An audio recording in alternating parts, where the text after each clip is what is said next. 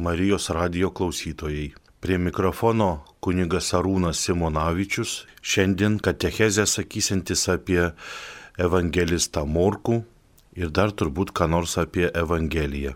Minime šventąjį Morkų evangelistą, švento paštalo Petro mokinį. Regis, kad tai buvo žmogus vaikščiojęs paskui Jėzų tarp kitų 70 mokinių ir jo yra parašyta antroji Evangelija.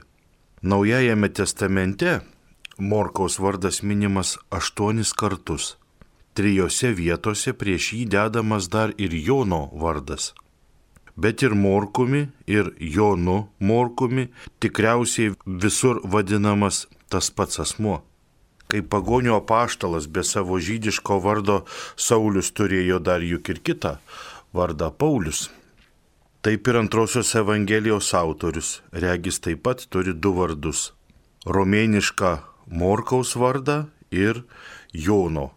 Jono Morkaus motina buvo Jeruzalės gyventoja Marija, apie ją kalba apaštalų darbų knyga. Ji turėjo savo namus, kuriuose buvo daroma pirmų krikščionių susirinkimai. Pas ją pasiskubino ateiti apaštalas Petras, stebuklingai angelo išvaduotas iš kalėjimo. Tuo metu dar labai jaunas Jonas Morkus rasi iš Petro lūpų pažino Kristaus mokslą ir buvo jo pakrikštytas. Nešventasis Petras jį vadina dar savo sunumi. Morkus buvo Barnabo seserėnas, todėl turėjo būti kaip ir jis kilęs iš Levio giminės kunigiškosios. Kai Povilas ir Barnabas atidavė Jeruzalėje atneštas išmaldas, grįžo į Antijochiją, juodu pasiemė su savimi ir Joną Morkų. Morkus buvo juodviem ir pirmosios apaštališkos kelionės metu Bet jos nebaigęs jis atsiskyrė nuo jų ir sugrįžo į Jeruzalę, todėl Povilas nebenorėjo jo imti su savimi į antrą paštališką kelionę ir Morkus draugė su Barnabu tuomet iškeliavo į Kipro salą skelbti Evangelijos. Ilgesnį be bejonės laiką jam teko būti ir apaštalo Petro padėjėjų. Su juo jis rasi atvyko į Romą, kur savo darbais buvo labai naudingas Tuomet Romoje dar patarnavo šventam apaštalui Povilui. Senovės raštai dar sako, kad šventasis Morkus skelbęs Evangeliją žemajame Egipte ir įkūręs Aleksandrijos bažnyčią. Buvęs pirmasis šios bažnyčios vyskupas ir čia pat buvęs nukankintas už tikėjimą. Bažnyčia yra paskyrusi jo kaip kentėtojo atminimui šiandien dieną kad antroji Evangelija parašyta Švento Morkaus, apie tai liūdėja ir bažnyčios tėvai. Daugiausiai žinių pateikia šventasis vyskupas papijas, miręs antrajame šimtmetyje po Kristaus. Jis sako, kad nors pats Morkus ir neklausęs išganytojo pamokslų ir nebuvęs jo mokinys, Jis tačiau rūpestingai surašęs Kristaus žodžius ir darbus, kad rašydamas ir ne visai laikėsi chronologijos, bet rašęs taip, kaip atsiminęs iš švento paštalo Petro pasakojimų. Iš vėlesniųjų šventųjų tėvų tarpo buvo Klemensas Aleksandrietis toksai, kuris rašė, ką jis buvo girdėjęs iš seniausių kunigų apie Švento Morkaus Evangeliją, būtent kad po to, kai Šventasis Petras viešai skelbęs Dievo žodį Romoje, daugelis meldė Morkų, kaip žmogų jau nuo seno laiko sekiojusį Petrą ir atsimenant į ką jis buvo sakęs, surašyti apaštalo pasakojimą į knygą. Taigi tuomet šventasis Morkus ir parašė savo Evangeliją. Dabartinių laikų kritikai kelia daug abejonių apie tai, ar Švento Morkaus Evangelijos pabaiga parašyta jo paties. Tiesa, tos pabaigos kai kuriuose labai senuose rankroščiuose nėra, bet jų daugumoje ir tai lygiai senuose ją randame. O svarbiausia iš tų, kuriuose jie pleista būtent Vatikano kodekse, Evangelijos gale palikta kaip tik vietos tiek, kiek reikia tai pabaigai parašyti. Ta pabaiga buvo jau seniausiame lotyniškame tokiame vadiname Italės kodeksas. Vertimas. Ir kitose senuose vertimuose dar galima rasti, pavyzdžiui, syriškoje. Dar senesnių rankraščių ir vertimų liūdėjimų apie Morkaus Evangelijos pabaigą randame pas šventuosius tėvus Efremą, tokį Justiną, Irenėjų ir kitus. Todėl ta pabaiga visai teisingai bažnyčios pripažinta autentiška Švento Morkaus Evangelijos dalimi. Šventasis vyskupas papyje sako, kad Morkus rašydamas Evangeliją ne visai laikėsi eilės, bet tą jo pasakymą reikia suprasti ne apie visą knygą, o tik apie kai kuriuos dalykus, kurie iš tikrųjų surašyti nesilaikant chronologijos. Visurgi kitur, net labiau kaip matas, laikosi chronologijos, nes nesutraukia į vieną vietą įvairiais laikais įvykusių atsitikimų. Žymiausiai skiriasi jis nuo jo tik tuo, kad visai nemini Jėzaus kūdikystės ir jo paslėptojo gyvenimo. Nes atrodo ir apaštalas Petras apie Jėzaus vaikystę nieko nežinojo. Todėl ir Morkus nieko apie tai ir nerašo. Žiūrint turinio galima sakyti, kad Švento Morkaus Evangelija susideda iš įžangos ir trijų dalių. Pirmoje aprašoma Jėzaus tarnystė Galilėjoje, vėliau apasakojama, ką išganytojas veikė ir kentėjo judėjoje, ir trečiojoje minima Jėzaus prisikėlimas ir apsireiškimai. Įdomu, kad šventasis Morkus rašė ne žydams, kaip kad darė Matas, bet priėmusiems tikėjimą pagonims ir tai visų pirma romėnams. Apie tai aiškiai kalba aukščiau minėti šventieji tėvai. Bet ir tyrinėjimas pačios Evangelijos patvirtina tą dalyką, kad Švento Mato Evangelija buvo paskirta visų pirma žydams, parodo nuolat minimi joje tik žydams gerai žinomi Senojo testamento žodžiai. Gi Švento Morkaus Evangelijoje tokių Seno testamento liūdėjimų labai mažai ir tai jie ko ne visi tik išganytojo atsiliepimuose. Šventasis Morkus maža tebe kalba apie Mozės įstatymą ir apie jo santykius su naujoju, apie fariziejų papročius ir jiems išganytojo darytus priekaištus. Apskritai sakant, apie visą tai, kas išimtinai lietė žydų tautą ir buvo pagonims mažai suprantama, o turbūt ir neįdomu. Paminėjęs bet kurį aramėjišką žodį, šventasis Morkus toj pat prideda ir vertimą jo. Pasakė žydų paprotį, pridurė ir paaiškinimą. Įvardyjęs vietą, pasako ir kur ji yra. Taigi visa tai rodo, kad jis skiria savo knygą ne žydams, bet tokiems skaitytojams, kuriems tie dalykai be paaiškinimų būtų pasilikę nesuprantami tai yra pradedant romėnais, tai ir mums. Kadangi Morkus raštu išreiškė tai, ką gyvų žodžių skelbė romėnams šventasis Petras, tai antrosios Evangelijos tok pats turėjo būti tikslas kaip ir Švento Petro jo Romoje sakytose pamoksluose. Petras, žiūrėdamas savo klausytojų, kurie čia ko ne visi buvo pagonys, negalėjo jiems sakyti apie Mesiją, apie kurį pagonys neturėjo jokio supratimo, arba tik visai neaišku, nei negalėjo naudoti švento rašto liūdėjimais, nes jie arba visai nežinojo švento rašto, arba jis jų akise neturėjo didelės svarbos kad atvedus pagonis į Jėzų Kristų, reikėjo jiems rodyti dievišką jo prigimtis ir jo vyriausias viešpatavimas, kuriam pasiduoda net piktosios dvasios, pagonių laikomos dievais beje. Tai norėjo padaryti taip pat šventasis Morkus savo Evangeliją, kuri pradedama žodžiais Jėzaus Kristaus Dievo Sūnaus Evangelija. tą savo tikslą jis pasiekė keldamas aikštin greičiausiai galėjusius įtikinti pagonių protus stebuklus, būtent ligonių pagydymus, piktųjų dvasių išvarymus, numirusiųjų prikėlimus, viešpatavimą gamtos gaivalams. Tai yra tai, kuo Jėzus Kristus buvo parodęs savo pasiuntinystę ir savo dievystę ir kurių liudytojai buvo apaštalai.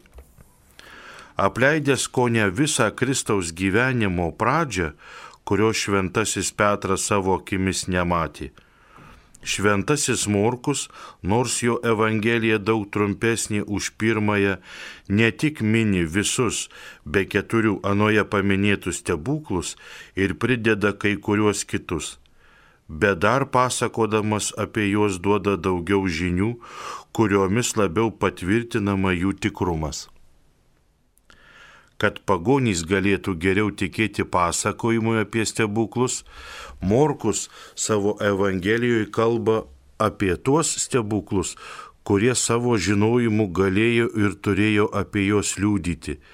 Tai yra apie apaštalus.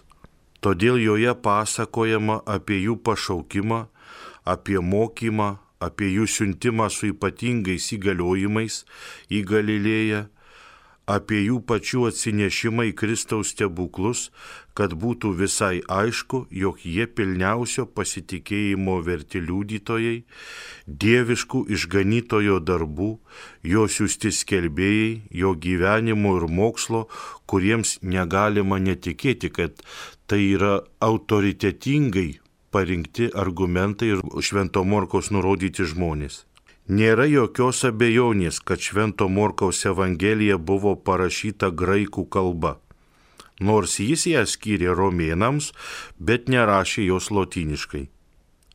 Kaip kad kadaise kai kurie spėja, juo labiau, kad graikų kalba Romoje buvo neką rečiau vartojama negu lotynų kalba. Švento Morkaus Evangelijoje sutinkama lotyniškos kilmės žodžių tai jie tokie, kokie anais laikais buvo paplitę visur pas graikiškai kalbančiuosius draugė su Romos viešpatavimu. Tikrių žinių apie laiką, kada buvo parašyta Evangelija, nėra. Irenėjaus ir papijo žodžių, kai kurie daro išvadą, kad ji parašyta mirus apaštalams. Dauguma sutinka su ta nuomonė, kad ji parašyta Romoje tarp 64 ir 67 metų. Kai Kristaus mokslas jau buvo skelbiamas daugelįje kraštų, kuomet teisingai buvo galima pasakyti, kad apaštalai išėję skelbti Evangeliją visur, bet kuomet Jeruzalė dar nebuvo sugriauta. Gerbiami klausytojai, po muzikinės pertraukėlės, kurios metu skambės Čekijos filharmonijos orkestras ir gros koncertas D mol presto.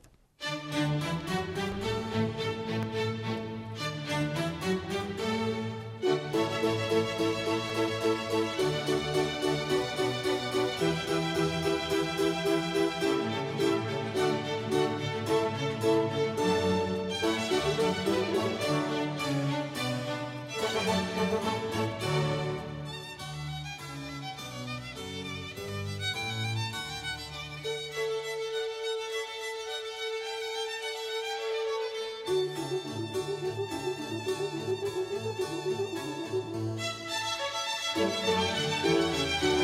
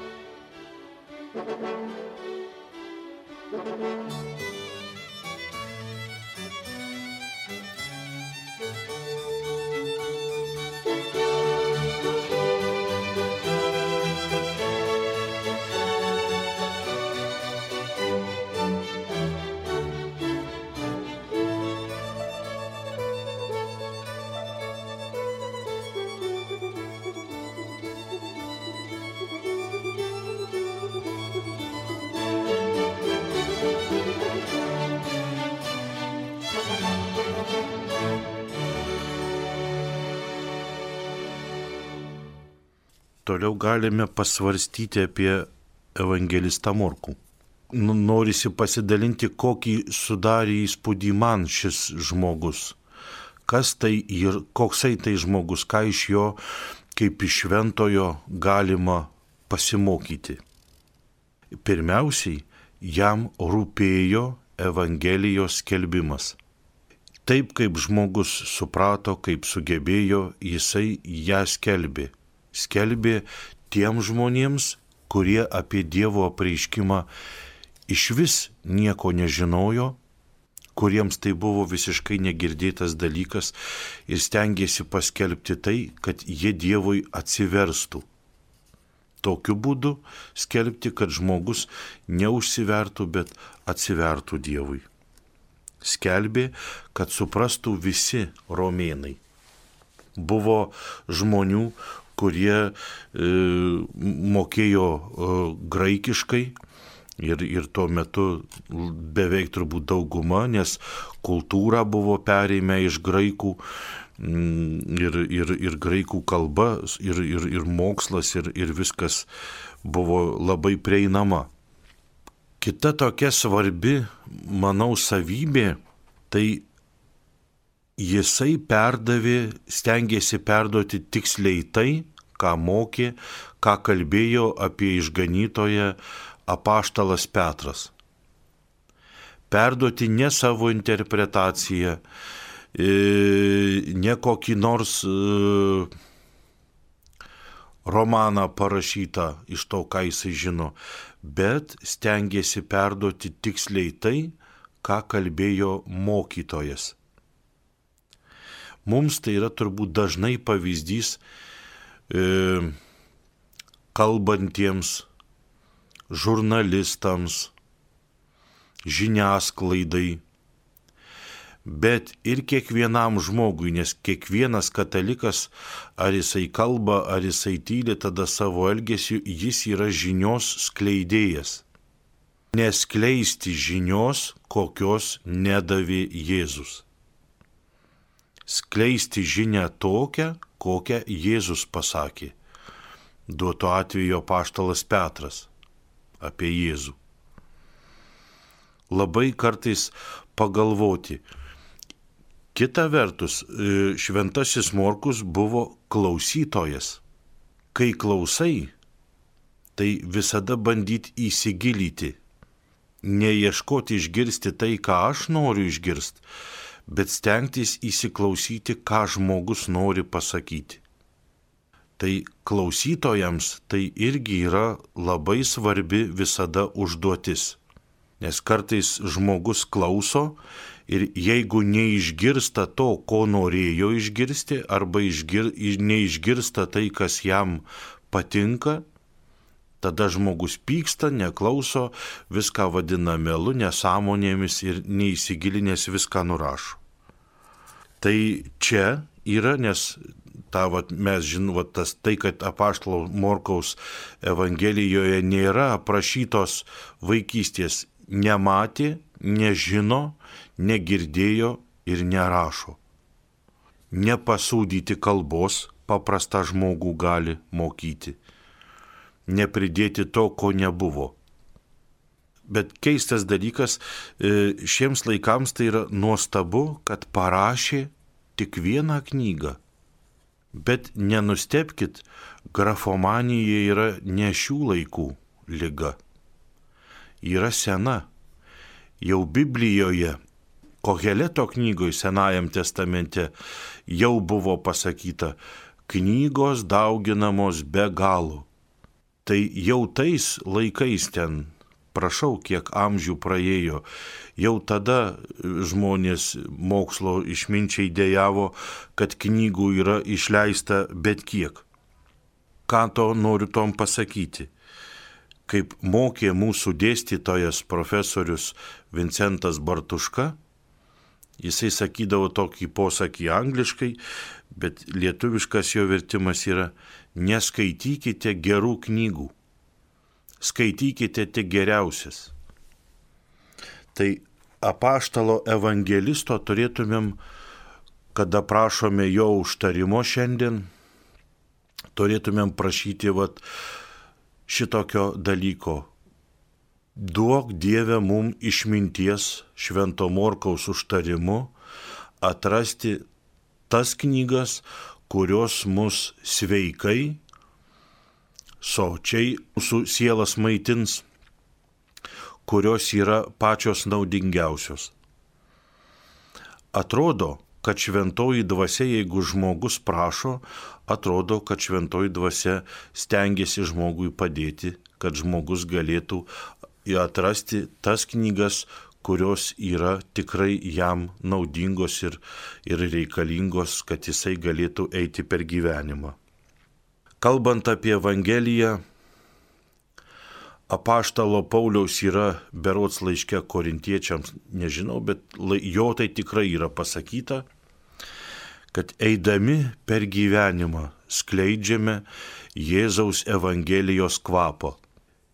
Iš tiesų, kada matote bažnyčioj, kada ruošiamasi skaityti Evangeliją, pradeda gėdoti aleliuja, šlovė Jahviai, Dievui, kuris toj prabils, kada matome nešamą Evangelijos knygą, mes turime labai aiškiai suvokti, ateina Jėzus į mūsų tarpą mums kalbėti, mums duoti žinių, kurios yra žudbūtinai reikalingos amžinam gyvenimui pasiekti, laimingam amžinam gyvenimui pasiekti. Ir kada eina su smilkytuvu ir smilkoma Evangelijų knyga, kvapas vėliau sklinda į mus, kad Evangelijos kvapą ir mes turime nešti kitiems žmonėms. Evangelijos kvapą sklindantį ne iš aromatizuotų smilkalų, jie yra vaizdinys, bet iš mūsų galvos, iš mūsų protų. Dievas iš savo galvo žodį deda į mūsų galvas ir vėliau mes siejam toliau, eina šita seikla į kitus. Bet mes turim būti e, geri klausytojai, kaip Morkus buvo, ir geri vėliau tikslios žinios, tik grinos žinios perdavėjai. Ne bejonių, ne, ne, ne bet kokio sumaišyto skelbimo, bet tikros, aiškios bažnyčios perteikiamos Evangelijos aiškinimo pernešėjai kitiems. Lai nuo mūsų, mėly Marijos radio klausytojai, sklinda Evangelijos kvapas. Ne koks nors kitoks, ne, ne, ne kokios nors kitokios teorijos, bet Evangelijos kvapas ir visur aplinkui bus gaiva. Šventasis Morkus te būna mums šiandien pavyzdys, apie jį dažnai pagalvokim ir pažiūrėkim, kur aš šiandien tapau kokios nors, kad net ir būtinės žinios apie kaimyno darbus tikslus skelbėjas. Neliežuviu sumaišytojas, bet skelbėjas tiesos. Prie mikrofono buvo kunigas Arūnas Simonavičius